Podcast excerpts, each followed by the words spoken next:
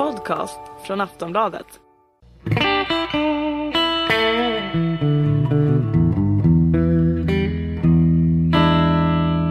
Hej och välkomna ska ni vara till Sportbladets Premier League-podd denna den, vad är det, 6 mars? Ja. Denna torsdag.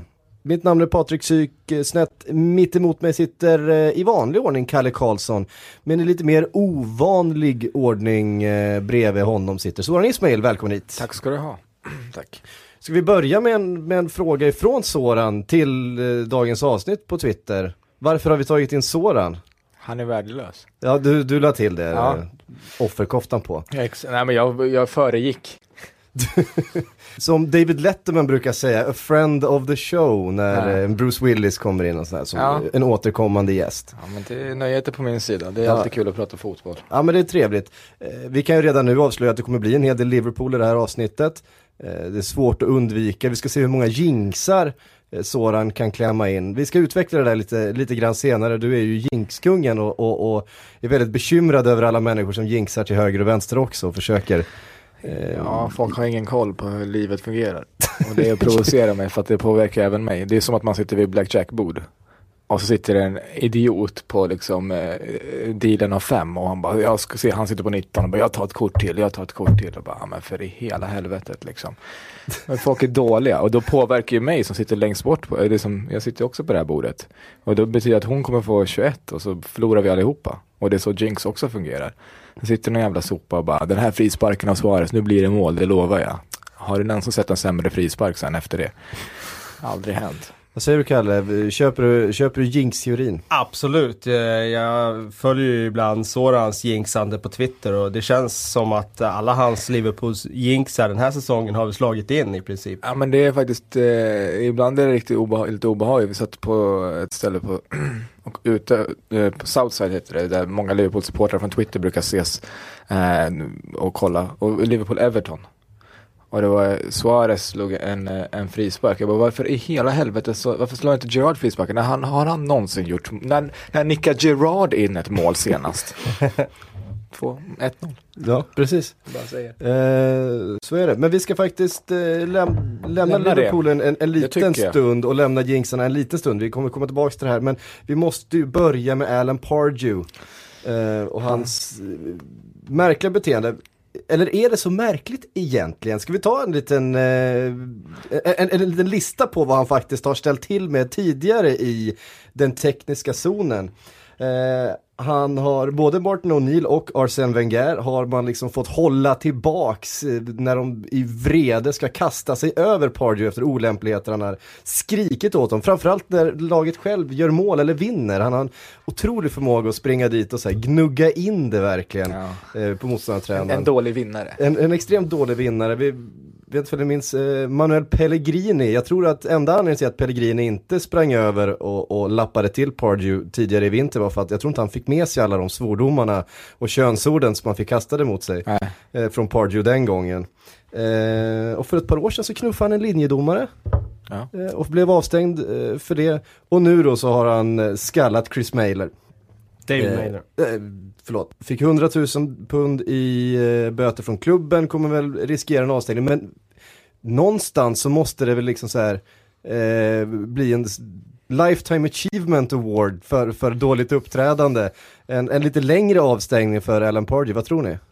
Alltså det finns ju eh, hetlevrade tränare runt om i världen men jag kan inte minnas att jag har eh, sett en mer hetlevrad tränare som har den här CVn i någon av de eh, största ligorna i de största klubbarna. Och därför är det ju klart att han sticker ut lite grann.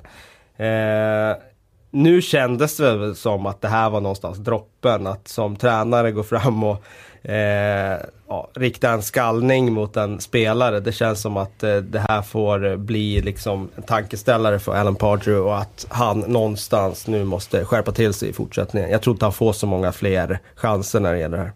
Men han blir kvar i Newcastle. Jag tror han blir kvar i Newcastle, han kommer klara sig nu undan en, den, med de här böterna och en varning från klubbledningen som tar han i örat lite grann. Men eh, så, eh, han kommer nog inte ha så många fler chanser när det gäller den här typen av förseelser. Jag tycker inte det är så jävla stor grej. Jag tycker att det, det, det är stundens hetta, det händer skit, folk blir upprörda. Alltså det är klart han får lite avstängning och lite böter och så går vi vidare med livet. Jag, jag, jag, har svårt att bli så himla upprörd över sådana. Jag tycker det är mycket värre med sådana tvåfotstacklingar i knä. Kevin Mirallas tackling eller eh, eh Shawcross-grej liksom. Det att titta på Stoke när de spelar fotboll är mycket mer störigt än att titta på Alan Pardew när han nick, drar huvudet i olika... Nickar. Han drar, drar huvudet i olika riktningar. Jo precis men det var ingen liksom MMA-skallning. Det var ju ändå... Det var en huvudrörelse. Ja, det, var en huvud, det, var lite, det var lite som, all, inte alldeles olikt MMA-reportern måste då eh, kasta sig in här och säga att man får inte man skallas får inte skallas i MMA. MMA. Nej det får man faktiskt Exakt, inte. men eh, det var mitt sätt att säga det. Det var ingen grov skallning. Det var ingen, Nej, det var det inte. Det var ingen Sture kompani-skallning. Alltså, Så säger vi. Mailer överlevde. Ja, det, utan... Han men märkte- det är väl mer liksom. grejen att Som det är en tränare som, som gör det snarare än en spelare. Eh, inte någonstans så har ju en tränare ett större ansvar för vilka signaler han skickar och vilket uppträdande som laget bör ha. Eh, jag håller med dig, hade varit en spelare, ah, ser mellan fingrarna när man går vidare. En tränare ser jag allvarligare på. Allvarligare, men det är inte så. Han får ju sitt straff. Och Mm. då, det vad det nu blir så här. Åtta matcher och, eh, och lite böter. Mm. Hur många, tror du det blir åtta matcher från FA? Mm. Nej, jag, det- jag tycker att det är, det no, det är en inkonsekvensen därifrån. Brottsregistret här lär väl spela in? Ja, det har vi sett förut. Så det kanske resten av säsongen då. Eh, Men inkonsekvensen hos FA när det kommer till sånt här tycker jag är, är rätt stor. Alltså man vet aldrig vart det hamnar. Om det är liksom eh, Anelka, Terry och Suarez har ju fått helt skilda straff på det är väl liknande brott där. Anelkas är ju definitivt det grövsta och Suarez inte kan bevisas. Mm. Eh, så att jag, jag, jag, tycker att det är väldigt svårt att gissa. Jag skulle aldrig gissa tio matcher för ett bett till exempel. Nej, det är ju intressant att du tar upp Anelka, för det var ju också nu, eh, förra veckan han fick sitt straff, det var fem matcher. Ett straff som FA sen själva överklagade. De överklagade sin egen dom därför det var sån stor oenighet i juryn som eh, då, då ut, delade ut det här straffet. Så de, de valde att nej, vi kan inte på ett vettigt sätt komma överens om att vi måste ta det till en högre instans. Så att eh, FA överklagade sin egen dom, eh, så vi får se vad det blir. Men fem matcher eh, kändes ju som ett väldigt lågt straff och har väl fått väldigt mycket kritik också. Kalle, hur ska FA bete sig för att inte liksom spä på det här ryktet som man har fått att man inte kan hantera den här typen av situationer? Eh, ja, att de överklagar sin egen dom är väl ett steg i rätt riktning, säg, tycker jag ändå. Det har ju någonstans eh, visat på självkritik och sådär. Sen är ju den där, den ska ju vara oberoende den där eh, panelen som bedömer sådana här situationer. Så att eh, det är ju egentligen inte FA utan det är ju deras oberoende panel som bedömer sådana här eh, incidenter. Det är svårt, Eh. ändå, det är svårt ändå att skära bort FA från, eh, Ja det är panelen. de som har utsett panelen Ja. såklart. Eh, men sen är det ju sådär, det är svårt att säga, jag menar ehm, Det finns ju, som vi tar Pardew liksom, det finns ju ingen liknande händelse av en tränare. Alltså det finns ju ingen skallning att jämföra med. Så att det, det är svårt att liksom titta på tidigare grejer och så, liksom få en rak skiljelinje mellan det här är exakt rättvist utifrån vilken förseelse man har gjort. Vad är en skallning jämfört med en knuff av en tränare liksom? Ja, det finns ju inget facit att en skallning är så här många matcher och det här är så här många matcher. Mm. Men det, sen, det, är ju- det är ju klart att det är svåra frågor där och det är svåra beslut att, att fatta. Men om vi eh, kommer tillbaks till Anelka då, den här Kenell-gesten. Ni som inte vet vad det är, ni kan ju googla. Men det är en gest han gjorde, den eh, kommer ifrån Frankrike, från en fransk komiker som har gjort någon sorts eh, politisk karriär på högerflanken och är väl en antisemitistisk eh, gest. Ja, precis. Det, det är ju i alla fall, man behöver inte säga, för vissa säger så, det är den inte alls, det, han är anti-establishment liksom, det är det han är emot. Oavsett, det här, när, den är, när man kollar så är det så, ja det här anklagas för antisemitistiskt. När han fälls för det så fälls han för att ha gjort någonting antisemitistiskt. Och eh, då är det utifrån det som han får ett straff och att det då är till exempel fem matcher till skillnad från ett bett eller en, en vad det är liksom, eller Terrys liksom. Eh, så, eh, eller då får se vad som händer med Pardew nu, men antagligen så straffar de väl tränare hårdare, som Kalle säger, för att de ska föregå, de ska ja, vara ett, sätta ett föredöme för, för resten av, eh, av laget. Och sen eh, att, han, att det har återkommit. Så att jag tror att Pardew får ganska långt straff. Men eh, det är konstigt om inte Anelka skulle få, jag tror att det blir svårt för FA själva, men det är ju svårt. Som fan så blir man alltid så här ja men Liverpool-fans säger Suarez, det är inte bevisat. Han har en, jag läste en intervju i veckan med honom där han sa, jag har aldrig sagt, jag har aldrig blivit, ingen har sagt det finns inga bevis. Jag, har, jag hävdar fortfarande att jag har inte gjort någonting, jag har aldrig sagt någonting rasistiskt, jag har aldrig gjort någonting fel. Jag är oskyldigt dömd och alla Liverpool-fans säger där F är bara korrupta och så här. Ja men, som Kalle säger, det är en någorlunda, så gott som man kan vara opartisk så har de tillsatt en annan som sitter och gör. De, det de kan göra är att vara tydligare med att förklara hur processen går till. Det här är de reglerna vi tillämpar. Jag tror att för många människor säger så hur men varför kan det här bli fyra matcher och det här blir tio? Det känns fel. Alltså. Sen är det ju också en annan grej som jag tycker fans liksom eh, gör fel när de jämför straff. Det är när de jämför saker över lång tid. Mm. För saker och ting förändras ju. Hade saker skett för sju år sedan, ja men då var det en annan straffskala. Alltså mm. den där förändras ju över tid. Ta de här rasistiska grejerna som har skett nu i engelsk fotboll. Ja men för 15 år sedan, det har inte blivit någonting. Alltså saker och ting förändras. Om eh, någon säger det här idag så är det inte samma sak som att det kommer vara samma straff om fem år. Nej, precis. Jag tror att det är, så det, det, jag tror att frågan om hur FA ska komma runt den här eh, problematiken de står inför att folk alltid misstänkliggör dem och, och tycker att de är korrupta, det lever alltid kvar och det är lite kul. Ja men jag tror att det är lite såhär supportens att grej älskar, att alltid liksom älskar att hata Howard ja. Webb, jag älskar det. Jag älskar när Ferguson att de gjorde mål, vet jag, 92 då bara, hur kan det vara två tilläggsminuter på United? Så här, jo men hallå, det var 18 byten och 7 mål i matchen. Ja. Men eh, så det, det, det, ingår lite grann och det är lite härligt. Jag tycker att det ska fortsätta vara så. Eh, jag vill inte gilla FA. Du får lite bränsle av det, ja, eller hur? Ja, det är underbart. Det är, liksom. Sen tycker jag många saker är problematiskt att man inte får kritisera Alltså folk får straff när de, att när Ryan Babel satte på, la ut en bild på Twitter med Howard Webb United-tröja, då blir han avstämd. Hallå, få ha lite kul också liksom. Men eh, ja, det är väl inte oproblematiska saker och det är väldigt mycket känslor. Och känslor är ju dumma i huvudet och då blir det mycket eh, fel. Liksom. Ja, och, och, och FA är ju en väldigt ängslig organisation och de, de, är ju lite osäkra på... Det är svårt med så mycket olika intressen och så himla mycket pengar. Liksom. Ja. Ett felbeslut, alltså det, det, man får ha lite överseende också. Men mm. eh, jag tror att eh, jag skulle inte bli förvånad om det var resten av säsongen. Det är tio matcher kvar för dem va? Mm, ja. För att det också gör det enklare för dem att göra statement. Istället för att ta åtta och så får han vara med de två sista. Ja men resten av säsongen. Skicka killen på semester och sen så får vi se vart han tar vägen i sommar. Ja, lite så. Ja. Eh, någon som vi i alla fall kan gissa aldrig kommer vara föremål för den här typen av eh, spekulationer eh, ens är ju Kim Källström.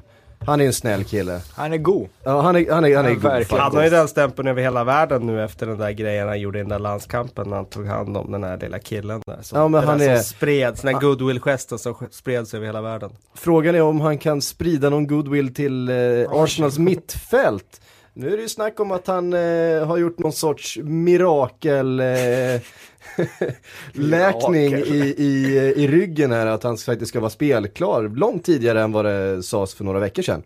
Det pratas till och med att han skulle vara aktuell för fa Cup-mötet mot Everton på söndag. Det är väl inte troligt. Men eh, derbyt mot Tottenham veckan efter så pratas det om att Kim Källström faktiskt ska finnas med i truppen. Kalle, finns det någon som helst möjlighet att eh, han får några spelminuter här? Eh, jag tror absolut att det finns möjlighet att han sitter med på bänken och att han får hoppa in i slutet av någon match om någon ska stänga till eller sådär. Men eh, jag ser inte att han kommer spela någon stor roll eh, nu i Arsenal under resten av den här säsongen. Han hade kunnat gjort det när de hade den där mittfältskrisen precis när han kom in, om han hade varit fit då. Men eh, nu ser jag inte att han skulle ta plats där, för nu har ju dessutom Även om han inte använts så mycket i den rollen så är Chamberlain har ju också dykt upp som ett alternativ i den där sittande mittfältsrollen och han har gjort det väldigt bra. Så att det finns ganska många att slåss om där med Flamini och du har eh, Arteta, du har Wilshire, du har Chamberlain Rosicki. Rosicki. Kanske bara som offensiv då i och för ja. sig. Men sen har du ju Ramsey som ska komma tillbaka snart. Så att, äh, ja, jag tror det blir tufft. Mm. Kanske inte någon frälsare då i, Källström Får jag bara säga, apropå Jinx som vi pratade ja. om. Ja, vad hände när vi satt silly season? Ringde det inte in en idiot? Så det går inte att ringa in till det programmet. så ringde det ju in ändå en snubbe för att berätta hur glad, att han alltid har drömt om det. Han visste det sa han. det här har han alltid hoppats på. Just Kim Källström till Arsenal, sa han inte det? Det Jo, var det det gladaste som hände. Stämmer. Vad hände dagen efter? Ja. Vad hände dagen efter? Ah, han kan aldrig spela. Ja, det stämmer. Det är, jag menar alltså han, Dunderjinx. Ja, det verkar vara en god, alltså jag menar inte, kalla- han verkar vara en god och härlig snubbe, Robin Filippo, men eh, på, på, på, och det menar jag, men det, han jinxar han har ju sig själv att skylla liksom. Det är ju så, det, jag fattar inte att man kan göra så mot sig själv. Alltså, ska vi komma in på det här med, med jinxen? Du, du nämnde ju innan hur, hur det fungerar. Men hur, hur allvarlig är du i, i de här... eh, Jag vill inte riskera något bara. Jag tycker inte det känns bra, jag vill inte höra, jag vill inte, jag vill inte ta del av att så här, vi kommer vinna ligan. Det är en sak om The Cop sitter och börjar sjunga det liksom. Du är medveten om att de här frågorna kommer komma här under, under Och det är inga programmets gång? problem och vi, vi ska prata om dem och nyanserat och lugnt. Men när det Men blir då så här, tonar du direkt ner det för att Nej, nej liksom... utan, utan när det är så här nyanserad diskussion och som är rimlig, det är inga problem. Men det är så här, nu vi, vi, vi kommer krossa, det blir 5-0. Ja, det är helt, eh, det, det, det, eh, och jag vill, jag vill bara inte riskera, för att det blir aldrig så. Och mina jinxar, alltså det är ju helt sjukt, inte ens när, jag var på Liverpool Swansea. Och eh, jag kan ju aldrig spela på Liverpool. Det är ju att, alltså, alltså herregud. Ja, jag skulle precis fråga det. Du, jag vet ju att du är en spelande människa Alltså jag har annars. förlorat så mycket pengar på att få in rätt resultat till, mig, själv- till mitt hjärta liksom. Ja. In med pengarna på Norwich mot Tottenham liksom. 1-0, boom. Ja. Eh, eller in med pengar på Tottenham Ja, menar jag såklart. ja, det. Ja, men men ja, så, så Liverpool Swansea, då spelar jag över, eh, då, där är ju så att man, man har ju bara en jag fattar inte hur deras fungerar på så William Hill. Så jag bara går fram till hon sitter där och jag bara, vad är det för, övers, vad är det för överspel? Så jag spelar på över 4,5 mål. Då satte jag liksom 500 spänn på över 4,5 mål. Efter, vad, 30 minuter va? 3-2. Ja. Ja. Eh, och sen går jag efter vid en 4-3, jätte, jättejobbig match att se. Eh, förutom resultatet. Så går vi och, och ska ta ut pengarna. Hon bara nej, alltså, du har spelat på 4,5 på Liverpool. Inte ens när jag har rätt har jag rätt. Och vad hände? Gerard i stolpen och ut Ja, längs det, mållinjen. Fattar ni vad det ja. hade gett? Över fem mål på Liverpool måste Ja, ju varit Swansea, bra ja. på pengar. Ja, du, det var du som jinxade den bollen i stolpen då? Ja, exakt. Det går liksom inte att, att få rätt när man, det, det är Men det, är- jag tycker det är intressant det där, för att alltså, du har ju dels den här eh, supporten som är eh, alltid överpositiv. Ja. Eh, som alltid liksom, eh, så blir förbannad om man säger liksom Liksom att nej men eh, jag tror inte på Real Madrid idag Ja. liksom. Då, det, det är liksom en källa till agg Ja. liksom. Varför tror du inte på mitt lag för? Hur kan du göra så här mot mig? Ja, exakt, ja men lite så. Och sen har du dels den här supporten som är som du är, sådan liksom att du basunerar ju ut inför varje match på Twitter liksom den här, hela den här, det här kommer gå åt helvete känslan. Eh, men jag tror ju inte att du har den egentligen, utan jag tror ju som sagt bara att det är någonting du spelar upp för att eh, du har lärt dig att gör du det så Eh, är det nästa fråga, större kan man, kan man bra. lura jinxen? Är ju det liksom? Nej, nej, utan jinxen is all knowing. Är, är, är, allsmäktig Är liksom. allsmäktig. Ja, eh, precis. Eh, men det var ju, det finns ett under, men det, det är intressant för att eh, när, när vi mötte Arsenal hemma i ligan eh, så 5-1 matchen, då hade jag en positiv känsla inför matchen. Men då skrev jag ju det på Twitter att nu känns det ju bra och då vet vi hur det kommer gå liksom. Mhm. Eh, och sen så, ja, bara för det så kommer det gå så här och så här, och så här illa, massa olika scenarier på hur illa det skulle gå. Och så löste det sig ganska bra. Men jag är, men däremot om, eh, så, så, så jag vill bara inte riskera något. Jag tycker inte det känns bra att höra kommentarer, alltså alltid om en kommentator bara, jag, eh, du vet, det är 2-0 i så här 60 så här, ja, nej, det här kommer Liverpool ta hem enkelt. Det, det måste jag skrika håll käften liksom. Ja, det är en, ett tics liksom. Men, eh, så jag vill bara inte riskera någonting. Men däremot så om vi ska prata om på riktigt så tror jag att det är, jag är inte heller så här, nej det kommer aldrig gå, det här kommer gå åt helvete. Utan eh, jag tycker inte om när folk är så här, Glenn Johnson är sämst, det här är inget, vi, vi är inget, det, det kommer aldrig gå. Men om man ser realistiskt, om man pratar om titelchanser då.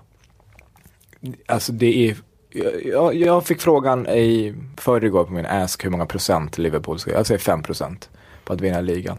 För att dessutom, alltså om vi bortser från, folk säger ja, du vet man kan skämta hur mycket man vill om United och jag är på, och det är inte så att det är bra, men jag är livrädd för att de någon gång ska hitta en positiv känsla, en, en spelidé, någonting. Så för det är ändå en trupp som vann ligan med elva. Jag vet att det är, är inte alls samma sak och de har mycket problem, men det är ändå Rooney, Mata, van Persie, det är ändå de Gea i målet. Det är inte Wiggen vi ska möta liksom, och på bortaplan. Det enda som är positivt, det är med den här landslagsuppehållet hatar jag i vanliga fall, men det här gjorde att United nu spelar Champions League tre dagar senare mot Olympiakos som de måste vända. Mycket, mycket viktigt att dels att de inte får ha gjort den vändningen. För den, om den matchen är innan då är det bara negativt. Antingen har de gjort den vändningen och har en grym positiv känsla. Eller så har de åkt ut och då är det allt fokus på ligan. Nu är det, sådana här saker är positiva och, och det, det, är inte så att vi på något sätt är chanslösa, tvärtom. Det, jag hoppas, det finns en god möjlighet att det går bra men det är också ganska troligt att vi förlorar. Det är ingen skräll liksom, att förlora borta mot United. Och så har vi Spurs, eh, den kampen, det kan gå hur som helst hemma. City hemma, Chelsea hemma bortsett från att varje match i Premier League är otroligt tuff. Vi ska vinna, även om vi vinner varenda av de här matcherna som är kvar. Och alltså inte förlora på hela 2014. Så ska City och Chelsea dessutom förlora mot oss och ovanpå det, om de sen vinner sina matcher så kommer vi ändå bara trea det, det, och då är det så här, men det är klart de tappar poäng i någon match. Jo, men om de gör det med sin spets, med sin bredd, varför skulle då inte vi göra det? Det är en otroligt liten chans. Det är klart den finns. Varje match kan Liverpool vinna hela tiden. Eh, och, och, det är inte otroligt att man för varje match vinner, men det är lite som att vi ska slå en tärning nu. Vad är oddset att det kommer en trea? Ja men det är inte så jävla osannolikt. Men vad är oddset att vi får en trea hela tiden, tio kast i rad liksom? Ja, då sjunker det drastiskt och det är så över tid som jag tycker att det är inte särskilt sannolikt att Liverpool vinner ligan. Det är mer, om jag skulle vara oddsättare skulle jag säga att det är, ett, eh, det är mer troligt att Liverpool tappar fjärdeplatsen än tar första platsen. Ja, där, håller jag, där håller jag inte hör, med. Hör, hör ni ju jinxen? Ja, där, superjinxen har talat liksom. Nej men om vi, om vi eh, skulle eh, prata liksom, för sannolikheten att vi vinner ligan så är 5%. Sannolikheten att vi tappar fjärdeplatsen är ungefär 20%. Ja okej. Okay. Jag säger sannolikheten att ni tappar fjärdeplatsen 5% eh, Sannolikheten att ni vinner ligan 10% ja. typ. Men Tottenham då? Du, du, eller Everton med Lukaku, alltså du, du, ser det som att Liverpool kommer bara fortsätta rulla? Nej, nej det gör jag inte, utan jag ser det inte riktigt som du gör där med att, de ska, eh, att alla de här topplagen bara ska eh, ösa på. Utan jag tror att alla klubbar där uppe kommer att tappa poäng och ta poäng av varandra. De ska ju mötas några av de här också. Så att eh, det kommer vara ett tight race hela vägen in och klubbar kommer att tappa poäng. Men jag menar, kolla på Tottenham, de går och snubblar borta mot Norwich. Och det tror jag kommer ske för alltså, flera av de här klubbarna i toppen. Att man åker på den där smällen här och där. Och utan erfarenhet, både för Brendan och för laget i sån här, så är det så lätt hänt att för många spelare i laget, så lätt hänt att så här, ja, nu börjar det bli lite nervöst. Man åkte på en borta förlust här eller du vet vad, vad det än är. Fan shit, vi torskade mot United, det är inte så konstigt. Och sen så är det en tuff eh, eh, eh bortamatch i Cardiff där de fick till det till slut och fan, eh, tappa poäng mot Cardiff och torska mot United. Då börjar snacket gå, kommer de tappa det nu? Och så är Tottenham två poäng bakom.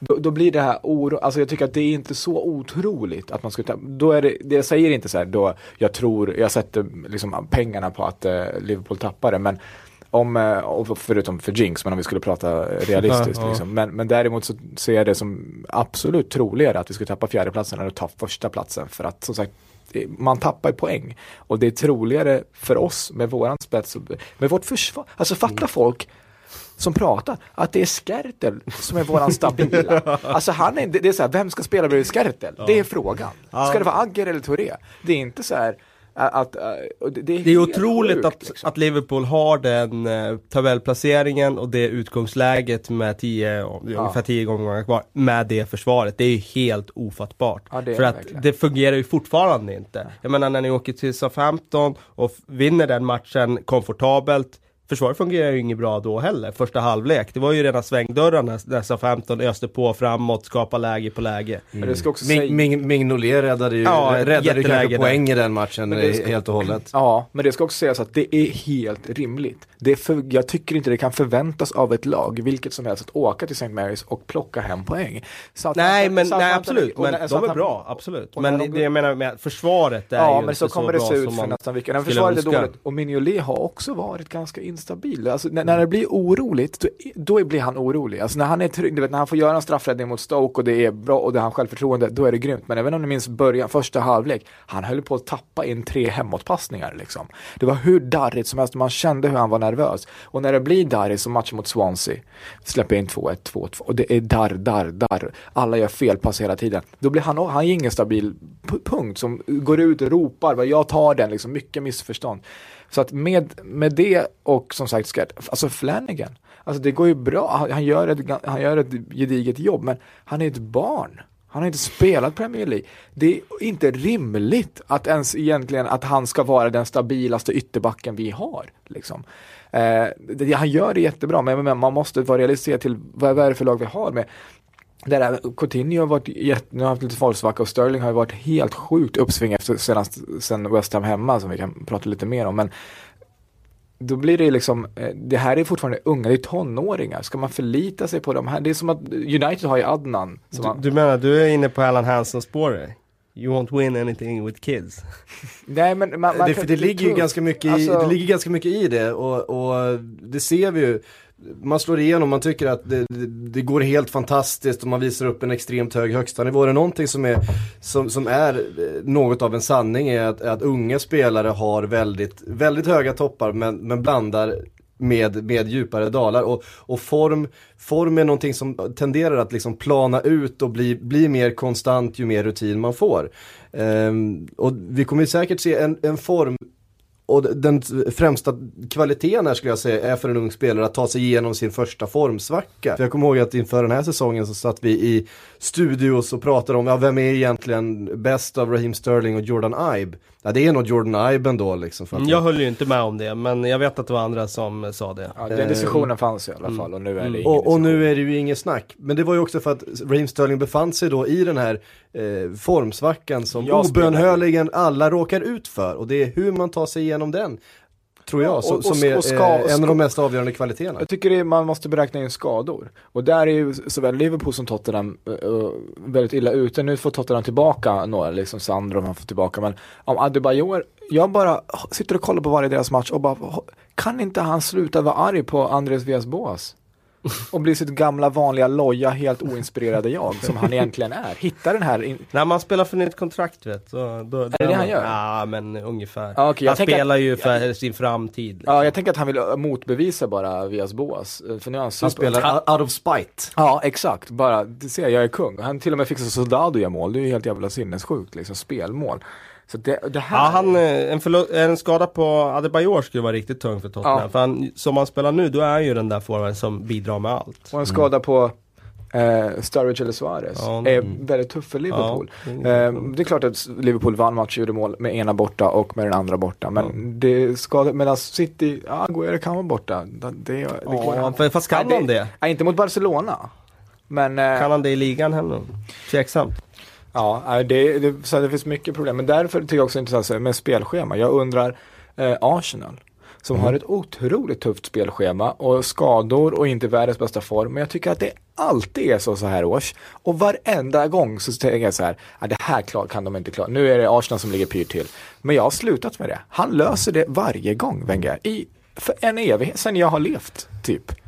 Det, det har bara slutat ifrågasätta. Jag, jag vet inte hur han ska lösa det, jag vet inte hur Arsenal ska lösa det. Men de gör det.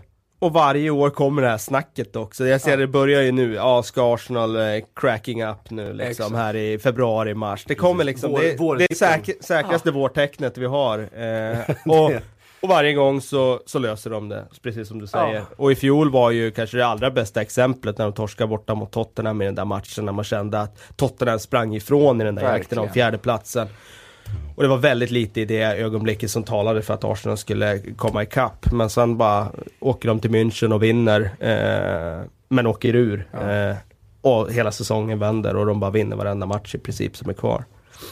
Och det är också förstås en trupp med otroligt mycket kvalitet. Man, man bara väntar ju på att Mesut Özil ska hitta den där formen han hade från i höstas där igen. finns det sparkapital. Sen har de ju Ja. det där grundspelare. De kan alltid falla tillbaka på det. Jag menar det som United inte har idag. Alltså de har alltid sitt eh, självspelande lag som, som ändå kan spela sig till vinster i, i varje match. Sen är det klart att i vissa matcher så möter de ett handbollsförsvar och de eh, hittar inte vägar igenom. Men de har i alla fall ett grundspel som de kan luta sig För, mot. för som jag ser det så finns det två trupper, om vi tittar på topplagen, om vi tittar på den övre halvan av tabellen egentligen, så ser jag egentligen två trupper som just nu eh, är, ser kompletta ut och det, det är Arsenal och Chelsea, de som ser liksom gedigna ut från hela vägen bakifrån och fram. Visst, City, eller Chelsea kanske saknar en, en striker, men man har en... Också egentligen, gör de inte Ja, de saknar väl, ja, de har Giroud och så vidare, men man tittar, de har ändå offensiv kraft så att det räcker och blir över,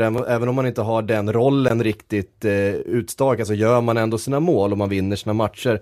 Men har en, en satt defensiv, man har ett mittfält som fungerar eh, och man har ett tänk som fungerar mot alla motståndare. Man har en plan för vilket motstånd som än kommer. Och där tycker jag man har sett City svack, svaja några gånger. Vi har sett eh, Demichelis inte alls fungera i det där försvaret.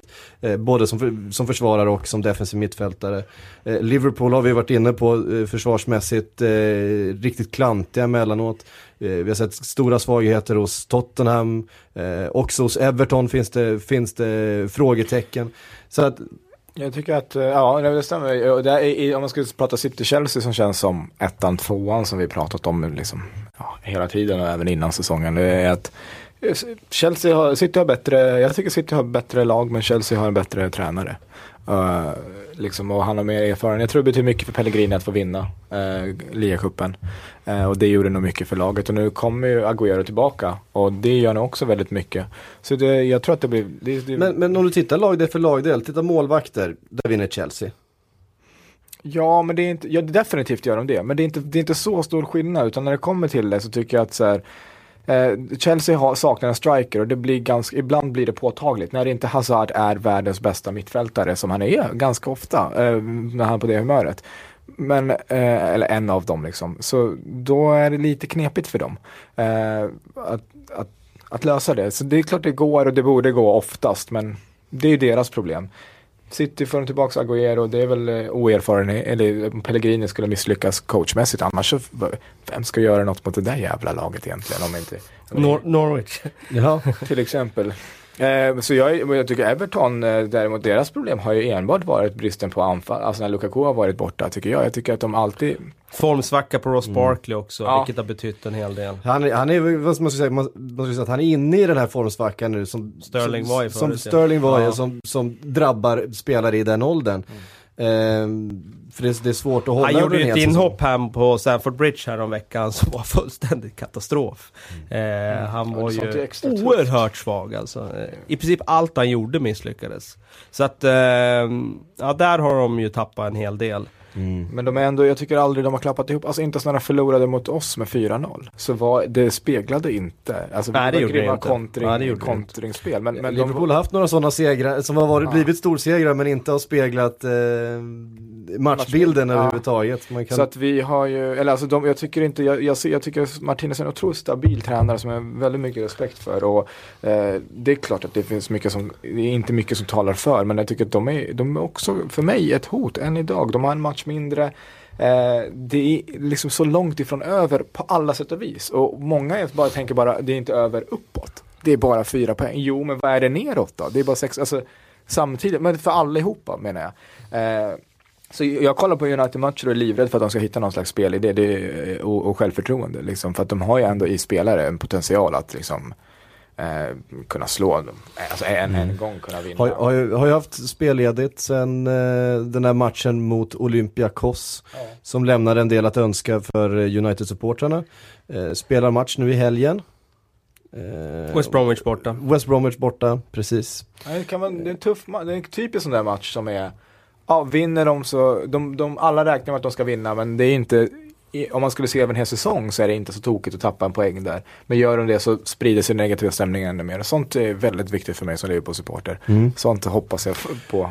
Du kom in på Everton lite där. Jag har skrivit en punkt i mitt eh, lilla dokument som eh, utgår från någon sorts eh, stolpigt körschema. Där jag har skrivit ytterbackar eller vänsterbackar. För eh, Luke Shaw Eh, gjorde en eh, briljant match för eh, Southampton mot Liverpool senast. Blev uppkallad till landslaget blott 18 år gammal. Ehm, och får väl ses som en renodlad vänsterback, något så märkligt som, som en vänsterback. Inte en, inte en yttermittfältare som tvingats ner på backen för att han inte riktigt höll. Inte en eh, central eh, back som har flyttats ut för att han, om han har trots allt ganska bra fot och han får inte riktigt plats.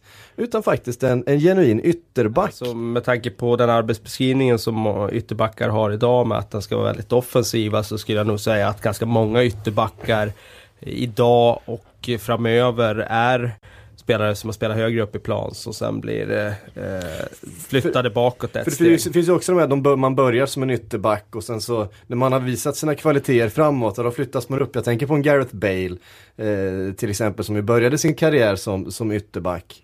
Eh, men jag sen skulle fick ta jag, skulle upp, upp i banan. jag upplever nog att det är ganska många ytterbackar som tar steget åt andra hållet. Alltså som har varit yttermittfältare som får ta klivet ner för de upplever att de får ut sina kvaliteter när de får komma bakifrån liksom med fart.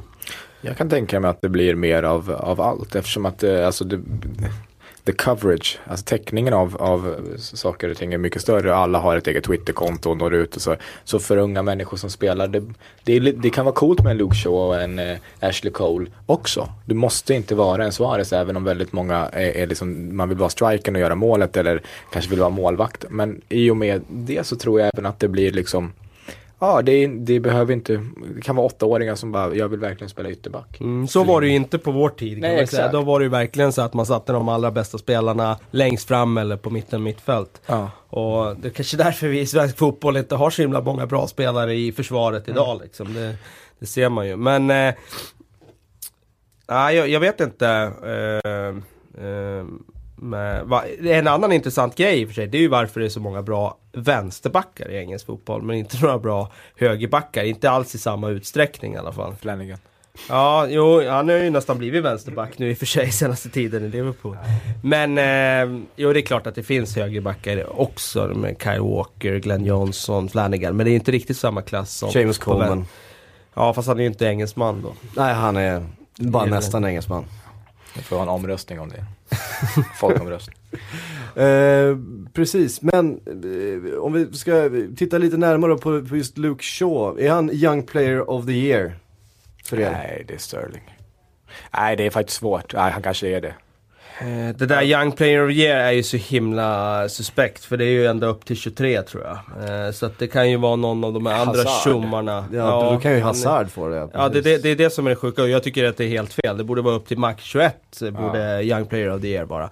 Men Hazard är väl född 91 va? Då Ja. är man väl 23? Ja, Han, är 22, han blir Ja. ju 23. Frågan är när han fyller. ja precis. Ja. Eh, Men då- oavsett om det är upp till 23 så ges ju 23. Men okej, Ja. om vi... Om men, vi... men, men, men så här är det, vi kan nämna det också. Även om det gäller Hazard så brukar det oftast omröstningen ske, för det är spelarna själva som röstar i den eh, kategorin, så brukar de ändå ibland tänka bort det.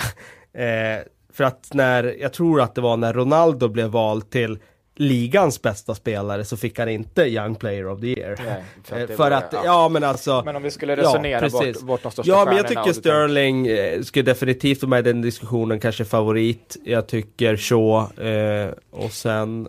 Eh, Jag, kanske så över en hel säsong. Eh, Alltså Gnabry, eh, Janusaj. Nej, nej, Nej, inte alltså- över hel säsong. Nej, kanske inte över en hel säsong på Gnabry, men han har också, jag tycker, väldigt imponerad av honom. Eh, det har varit mycket unga Men man har inte varit lika bra som Luke Shaw, det tycker jag inte. Nej, och jag undrar om även Sterling har varit det över en hel säsong. Han har ju varit helt briljant sen i, December. I, sen i december, Ja. sen jag sa att jag ville sälja honom. ja, just det. Nej men på, det var, jag kunde absolut aldrig se den här utvecklingen framför mig. Alltså även när han kom och var sådär lovande och upphypad så var det ju en, Alltså jag tyckte det var en snabb eh, kille, alltså det var man bara så taggad på att det var så ung människa med så mycket potential.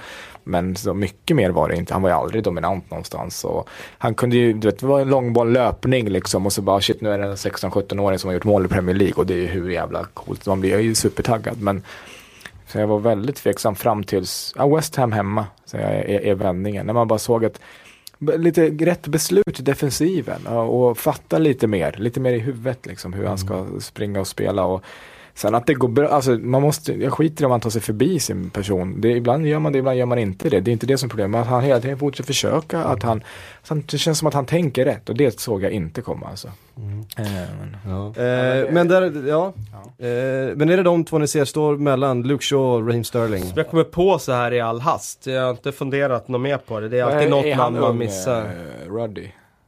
John Ruddy? Nej, Ja, han är inte speciellt han är ung. inte ung, han är bara ny. Ja, Han har ja. bara kommit upp på senare år. ja nej, han är inte speciellt ung och eh, jag tycker inte han är eh, aktuell heller. Nej, han har varit så bra. Ja, inte Nej. så bra. Eh, hur som helst, vi ska gå vidare. Vi ska... Men bra försök Sara. Tack, tack. Väl, väl, välkommen till Tack ska Premier ha.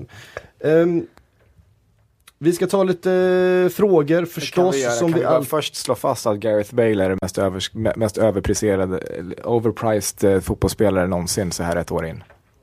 Nej, det håller jag inte med om. Nej, okej. Okej, det har vi slagit fast. Nej, Då, men då måste, då måste man kan inte bara säga nej, då måste man kontra, vem är då det? men det finns ju säga- många andra spelare Andy Carroll och Stuart Downing är ju också problematiska. Men jag menar, fy fan, vad, är- vad är, vilken överskattad... Vad ska han göra där? Hur gör, alltså jag det är klart att det var matcher. överpris, men jag tycker inte han är liksom Nej, inte- så extrem som du Men- la fram det nu. Nej, men bidrar alltså jag vet inte ens om han ska starta i Real Madrid. Ja, och det, jag håller han som starter i Real Madrid, Ja. det, det gör jag. Absolut. Intressant. Vi tar det i Liga-podden sen. Ja, Ja, jag vill höra er prata och skriva mer om det här. Jag vill bara plantera den. Vi ringer eh, vår La Liga-bloggare Adam Pintorp som får slänga upp ett dokument. Ja tack, jag vill veta vad han har att säga om Gareth Bales första säsong i Real Madrid. Vi går vidare till lite eh, lyssnarfrågor. Ehm, vi har fått två frågor utav Filip Tyberg som eh, jag tyckte var eh, vettig att ta upp båda två. Bra gjort Filip. Bra Filip. Vi börjar så här, vad tycker ni om förbudet mot undertröjor eh, med meddelaren som börjar gälla eh, första juni? En pungspark mot yttrandefriheten? Frågetecken. Jag vet inte varför det, det skulle vara liksom en mänsklig rättighet att få ha en undertröja som det står eh, ett bibelcitat på eller eh, sådär. Men eh, vad tycker ni om att det ska förbjudas? Alltså jag tycker att det är lite, eh, alltså man eh, inför så mycket grejer som eh, så här nonsensgrejer. Eh, fotbollsspelare får kritik ibland för att de inte bryr sig om omvärlden och hit och dit. Och nu får de veta att om ni gör något budskap kring omvärlden eller någonting annat, ja då är det förbjudet. Eh, så att sen är det ju skillnad på budskap och budskap. Eh, det är ju, vissa liksom har ju bara grattis mamma på födelsedagen. Och jag, Med tre matcher. Jag, jag, jag gissar Tre- att det tre inte matcher. är värt tre matcher för FAs oberoende panel. Men det är som en skalle. ja, precis, en skalle av Adam Pardew. Men jag, jag tror att eh, så här, det är väl, eh, man, gör, man vill väl göra det enkelt för sig. Ta bort allt bara, alla Mm. budskap så blir det inget så här, ja men det här är från bibeln, i bibeln står det så här också, eller det här är till den, hur tolkar vi det här? Så det, det- Då får, man de här, då då vara- får man de här supportrarna som sitter och jämför Det skulle då vara väldigt- Ja. Precis, och, men då, då gör man det enkelt för sig. Men det handlar ju absolut inte om, folk måste börja slå upp ord som demokrati och yttrandefrihet eller börja om skolan. För att det är ju inte det det handlar om. Att, eh, men men det, det vill att bli väldigt knepigt för att vad gör, okej du får inte ha en undertröja för att twittra. Vad får du twittra då? Vad får du säga i en intervju? Det, det kan ju bli problematiskt. Alltså, alltså att man får svårt att att upprätthålla de här reglerna man sä- säger och sätter. För det finns ju, så jag är nog emot, för det finns ju redan, de gör enkelt för sig antar jag, men det finns ju redan regler som, som Kalle är inne på, på vad man gör. Det finns ju redan regler som säger att du får inte göra de politiska statement, statements, eller du får inte göra det här, du får inte göra det här.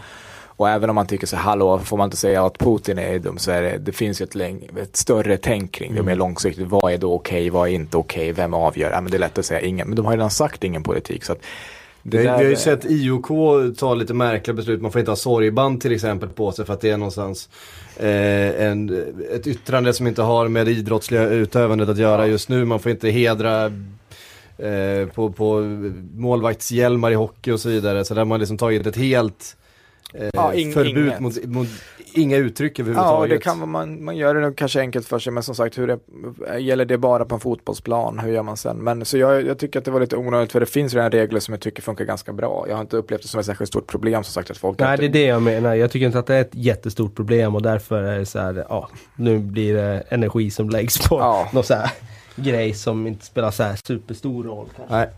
Eh, Så då har vi kommit fram till. tänk, tänk om FA, ska vi säga det då? Ja. Ja, tänk om Ja. FA. Bra. Jaha, okej. Eh, Jag tror börja på en fråga. Nej, nej.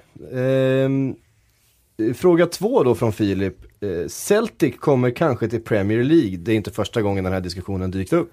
Eh, det har pratats många, många vändor och det har rört sig både om Celtic och Glasgow Rangers. Nu är det ju bara Celtic som är liksom kvar som eh, stor, rik klubb i Skottland. Eh, är det här första steget mot en europeisk superliga? Ska jag sluta se på fotboll? Frågar han.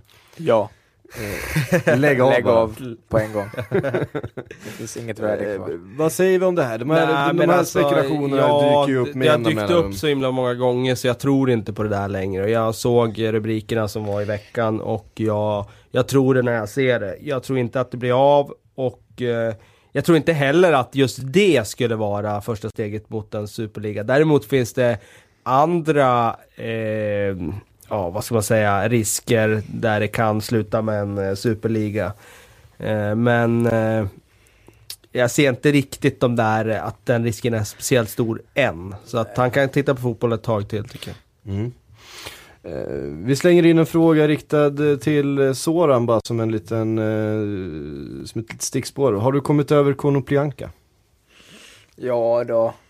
Eh, jag Marcus Lindblom har skrivit den frågan. Ja, det har jag gjort. Marcus. Jag har inte kommit över Mkhitaryan. Eh, inte ens nära. Men Conor Blanca har kommit över. Det var att även nu känns det trist och synd när vi går in i en förlängning och man tänker på skador och sådär. Och, och trötthet framförallt hos unga spelare. Att jag hade hellre haft Conor Plianka som alternativ än Victor Moses. Liksom. Gånger, alltså så himla mycket hellre. Och det kan göra skillnad i långa loppet. Så att jag tycker fortfarande att det är väldigt, väldigt synd. Men, ja, alltså det finns ju också. Det är inte så att jag hoppas att vi värvar honom i sommar. Utan Det är lite rykten om det. Ja, jo, jag Mm. vet. Det är rykten om, det senaste var ju Gaetan. Ja, okej. Eh, Och eh, jag eh, har ingen, inte tillräckligt med kunskap för att yttra mig. Det var Valbueno ett tag och han tror jag inte förbättrar oss. Eh, Så, så att vi skulle, liksom startelvan, så att det är nödvändigt att ta in. Men ja, det, nej, det är okej. Vi inväntar Sillypodden i maj. Så ska, vi, så, ska vi, så ska vi reda ut det där. Satan alltså. Eh, Josef Dotevall skriver, eh, tror ni att den så kallade 40-poängsgränsen kommer räcka i nedflyttningsstriden i år? Kalle? Ja, det känns ju som det med tanke på att det är så många klubbar där som tar poäng av varann och hit och Precis. dit så känns det ju som det. Det brukar ju annars vara en sån där magisk gräns och jag vet att det var tränare även den här säsongen, tidigare på säsongen som pratade om de där 40 poängen men jag tror att det kan vara så att det räcker. Han frågar, vilka lag tror du eh, åker ur? Ja, den är jäkligt Jag vet. Nu är det- men Men jag, jag du får ändå säga- stå fast liksom för det man har sagt tidigare. Jag vill inte hålla på och hatta liksom från vecka till vecka. Så jag står fast vid Crystal Palace. Trots att det är jättemycket nu som talar för efter tränarbyte som har visat sig vara lyckat att de liksom har ett spel nu som skulle kunna rädda dem kvar. Men jag säger ändå dem. Sen tror jag Fulham får jättesvårt med tanke på deras tabelläge, med tanke på att de har bytt tränare. Det har inte gett någon effekt än och att truppen är inte speciellt bra. Eh, och det är två lag då. Cardiff då? Ja, och Cardiff tror jag också får jättetufft nu. Och de hade haft bättre chanser om de hade behållit Malcolm Mackay. Det är ingen tvekan om det. Solskär in, eh, har varit oerhört svaga resultat och hans värvningar av de här norrbaggarna som han plockade in. Det är så sjukt alltså. De eh, har ju inte alls, eller det var ju som man sa från början, det där är ju ing- det där är inga bra värvningar. Alltså jag det där är ju att hans kompisvärvningar liksom. Daly har varit nästan bäst i, i, tillsammans med Carker, tycker jag, i Cardiff. Så att det, det är svårt, men det är helt sjukt om man kommer in till Premier League och så bara, du jag har några snubbar från tippeligan som kan hjälpa oss. har, har du kontakter in i tippeligan? Vem har kontakter in i tippeligan? Det var så han tänkte, Vincent. Han plockade in Ja, och så bara, men vi får väl ta Ole Gunnar då, för han har ju bäst, han känner ju folk i Han känner ju alla i Norge. Han känner ju snubbar i Stabäck, det är lugnt, vi är safe. ja, precis. Nej men så att det, det ja, nej, jag var nyfiken, alltså ja, men du skulle kunna få lägga till två lag till. Eh, som du tänker, så de här fem kommer det stå mellan. För att just nu så Sunderland- står det fan. Sunderland är ju såklart... Ligger ju eh, på, på nedflyttningsplats just nu då med två matcher i hand. Det är klart att de också är där och kommer att få jäkligt tufft. Men det är väl, ja men de fyra säger jag då. Ja. Mm. Intressant och då är ju tokjämnt fortfarande. Det som, eh, de som verkar ha blivit lite avhängda är ju eh, Fulham. Eh, också till viss del Cardiff. Sen vet man ju inte med sånt där lag som West Brom med tanke på att de har ny tränare och det tränarbytet har ju inte heller Ja. blivit alls som de har tänkt sig. Och efter det, kommer det nu bara gå att fortsätta rakt ner i källaren, ja men då kan ju de åka också. Mm. Det är svårt när det är så här, Anne Kebe ska rädda dem match efter Ja. match. Han är ju bara bra mot topplagen har ju psyk konstaterat. Ja. Han är en supersub. Varför inte? Varför inte? Ehm, nu vill min dator starta om sig här. Det var ju väldigt obehagligt. Ah. Men vi, vi, kan ju ta, vi kan ju ta en fråga som, nu minns jag inte vem det var som ställde den, men jag tyckte, jo, Gabriel Egerup ställde frågan. Sylvain Distin är plus 35 och helt klart en av de bästa mittbackarna i ligan. Vad gör honom så bra? Eh, ja, dels eh, hans fysik. Eh, han har ju varit oerhört professionell, precis som Ryan Giggs, med att eh, se om sin kropp. Jag tror även han sysslar med yoga faktiskt för att hålla sig i form. Och det gör ju att han eh, faktiskt kan ta löpduellerna även med en 20-årig speedy forward. Sen har ju hans eh, alltså, samarbete med Jagielka liksom växt för varje säsong de har spelat ihop. Så att eh, dels att han eh, fungerar bra ihop med mittbackspartnern, dels att han själv eh, ser det som eh, en utmaning att hänga ikapp med de här unga spelarna och fortfarande håller sig i så pass bra form. Mm. Och har ju fått, det där, fått förtroende och att, eh, och som vi var inne på tidigare, det där med, med form och erfarenhet, det, eh, det är, inte det, det är ganska viktigt. Eh, och och han, han, han har ju haft den där platsen, han vet att han har den där positionen, han vet precis vad han ska göra, han har tydliga instru instruktioner och jag tycker, jag håller med eh, Gabriel, hette han va? Ja. Så jag, jag tycker också att Distan har varit eh, fantastiskt bra den här säsongen. Ja. Eh, många matcher man har sett honom. Vill du ha fler? Ja men vi kan ta en här, eh, Jocke, eh, jo, Joe Janitor har han som handle på Twitter. Ja. Ehm, han vill att vi ska prata lite om Stoke, varför de vinner hemma mot topplag men inte kan vinna borta mot något lag. Vad gör de för fel? Eh, alternativt rätt. Vilket jävla rövgäng det är. Jag såg, matchen mot, jag såg matchen mot Arsenal och jag var så tacksam att vi inte ska möta dem mer.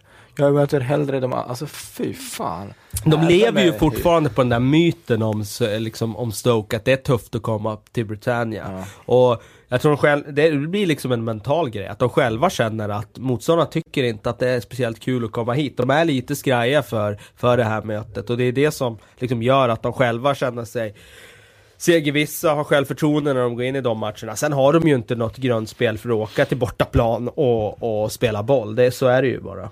Ja. Nej, eh, intressant också när de liksom ganska tydligt går ut med idén att nu ska, vi, nu ska det göra ont att möta oss igen. Ja. Sto- Stoke hittar tillbaks till eh, sina rötter lite grann i matchen mot eh, Arsenal. Eh, kan jag känna. Char- Charlie Adams eh, stämpling på Giroud var inte... Nej, det var my- mycket, det, det är fortfarande väldigt mycket grisar där alltså. Eh, det, är, det är riktigt, då, alltså fy fan, jag, jag, jag, riktigt hatar dem alltså. Jag, jag, jag tycker synd om alltså, Du kommer få Stoke-maffian på det. Ja, de tre blir ju arga. Men grejen jag blir ju, su- jag, jag blir ju, eh, jag hoppas att Arsenal ska tappa poäng och ändå sitter jag bara såhär, stackars Arsenal i den här matchen och bara, eh, fan vad skönt det är att vi inte, Eh, jag har en fråga från Malin H. Som frågar, eh, kan vi fråga Soran då. Hur tror ni Liverpool skulle klara en säsong med ligan plus Europa om de tar topp 4? Hur behöver de förstärka? Mm, jag tror vi skulle klara det bra. För att eh, då, av allt att döma så eh, har vi väldigt kloka ägare. Eh, och och en, en kommitté som fungerar ganska bra. Så att jag tror att vi skulle värva eh, sunt. Det behövs en till anfallare. Det behövs eh, fyra nya backar. Nej det gör det faktiskt inte. Utan det är det också som känns positivt. Sakho. Jag tycker att eh, jag, det jag har sett har sett bra ut. Det är inte så att han är eh, bäst i ligan men han kan bli. Eh, så behöver vi ju liksom, Koloturé behöver ju bli den som han var tidigare, en stabil inhoppare. Sen får vi se vad som händer med Agger och Johnson. Det är ju snack om att Johnson ska säljas och, vad man köper in. Men det behövs lite mera, lite stabilitet i försvaret. Mittfältet tycker jag håller och så behövs det en till anfallare. Alltså eh, att ha Coutinho, om det fortsätter som det är, Coutinho, Sterling, Gerard, Allen, Henderson.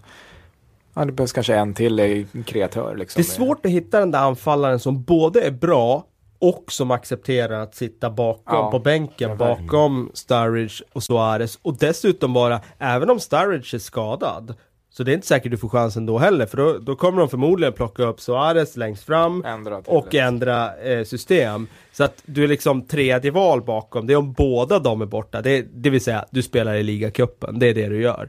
Och, och samtidigt får inte en spelare som dessutom är bra, det är jäkligt svårt. Och det tycker jag Rogers är ganska bra med ändå. Att, ta, att tänka lite mer långt. Alltså ibland behöver vi, jag tror att det skulle, man skulle lyckas variera det ganska bra och, och hitta ett sätt att, få det att funka. Han verkar vara väldigt bra med man management. Och nu när vi läste, alltså det här senaste, John W. Henry, Liverpools ägare, som sa att eh, Suarez hade en klausul. Men vi bestämde oss för att inte sälja bara. Ja, vi, vi, vi, vi pratade om det under veckan här, jag och Kalle, hur mycket tid vi skulle ägna just den, eh, den frågan i, i veckans eh, Ja, men om vi avsnitt. bara säger att det verkar som att de vet vad de gör. De, de verkar eh, eh, ha ett tänk eh, som är lite långsiktigt eh, och inte bara så här, ja, vi, nu måste vi punga upp pengarna för det är just bara den här säsongen och den här sommaren. Nej, men det är lite mer långsiktigt och om vi inte hanterar det här bra, inte lägga alla ägg i en korg helt enkelt. Så jag, jag tycker att det känns, det är det som är viktigast för mig. Att det känns jättebra med ägarna och med tränaren. Eh, och det är klart att det vore synd om, om Suarez drog och det vore ett jätteenormt slag. Men långsiktigt så har det, det har aldrig känts, det var länge, länge, länge sedan det kändes så här bra. Då, men då kastar jag in eh, direkt här Marcus Vanen. Eh, specialfråga till Soran, behålla Suarez eller ta en ligatitel? Den är ju rätt lätt. Vadå, ja, I år? Ja, Ja, behålla Suarez. hellre en ligatitel. Ja, men jag tänker långsiktigt så tar vi ligatiteln sen. Du, du var inne på ett annat spår hörde jag. ja, du, Helt, helt galen. Helt galen. nej, för jag tror på oss. Jag tror på oss långsiktigt. Att jag vill ju att vi ska komma till Champions League och stanna där. Eh, jag vill att, om jag ser bara över tioårsperiod, vill jag att så många av dem som möjligt ska vara i Champions League. Inte att vi kommer dit två år, sen är vi borta i åtta igen. Utan uh, då får du ta två hellre och sen är vi där i åtta. Det här är en rolig fråga från Josef Dottervall. Tror Soran fortfarande att Swansea slutar topp 4? Ja, just det. Fast det var ju min enda, det var, det var ju enda problemet här. De, de Ja. kan komma igen starkt på slutet, men allt annat hade jag helt rätt i när vi satt och spekulerade. Det var ingen som trodde mig om, om United och eh, eh, allt vad det var. Nej, nej jag, jag tror inte det. En, en klar miss. Jag trodde att, eh, helt enkelt att eh, deras tränare var bättre än vad han var. Ja, Jag- ja Mikael det här, där hade man kunnat gå lite grann på track record faktiskt, faktiskt. För att han har, han har gjort ungefär samma resa i sina tidigare klubbar, haft en bra debutsäsong men eh, eh, haft problem under sin, eh, sitt Jag tror- sophomore year som Jag trodde att. Laudrup var en Martinez, en Rogers.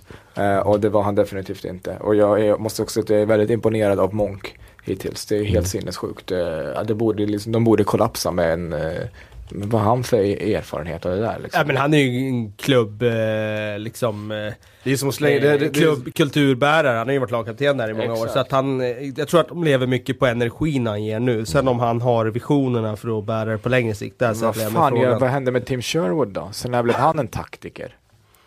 Som fixar det Sen är det så, här, har man John Joe Shelby på mittfältet behöver man ingen eh, strategi, det är bara att kasta in bollen och se vad som händer. Ja, det är sant. Oskar Frändén undrar här, jag tror att vi har gjort någon sån lista tidigare, men det kan vara kul att dra igen. Eh, ge mig en lista på de fem bästa frisparksskyttarna i ligan. Finns Sebastian Larsson med?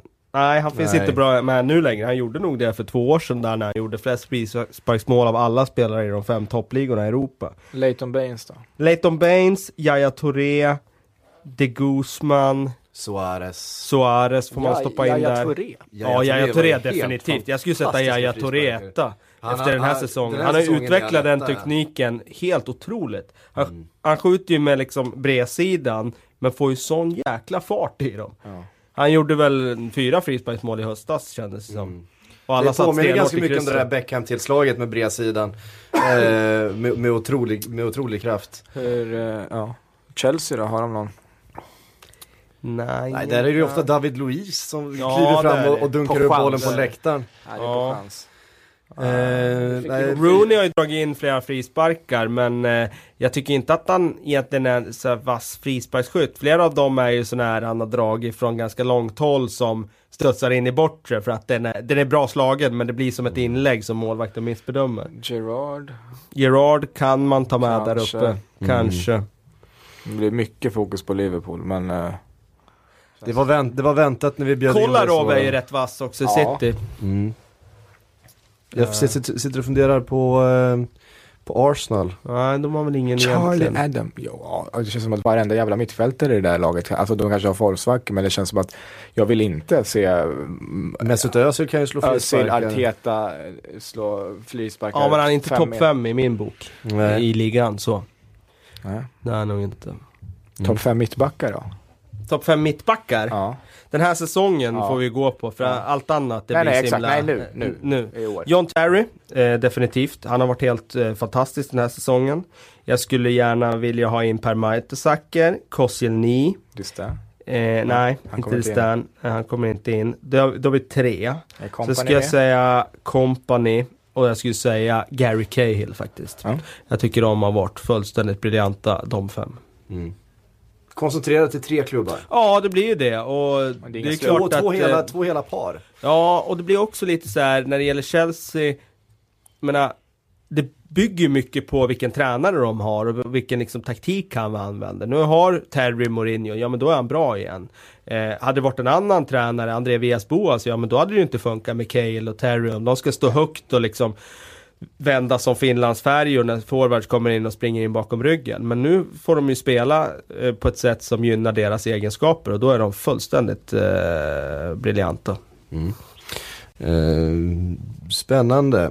Eh, vi tar ett par, eh, ett par frågor till. Jag, jag letar efter någonting som inte rör Liverpool här så att vi, vi inte ska upp, eh, bli alldeles för eh, enögda. Eh, Hur hade Kalle ställt upp Englands eh, startelva?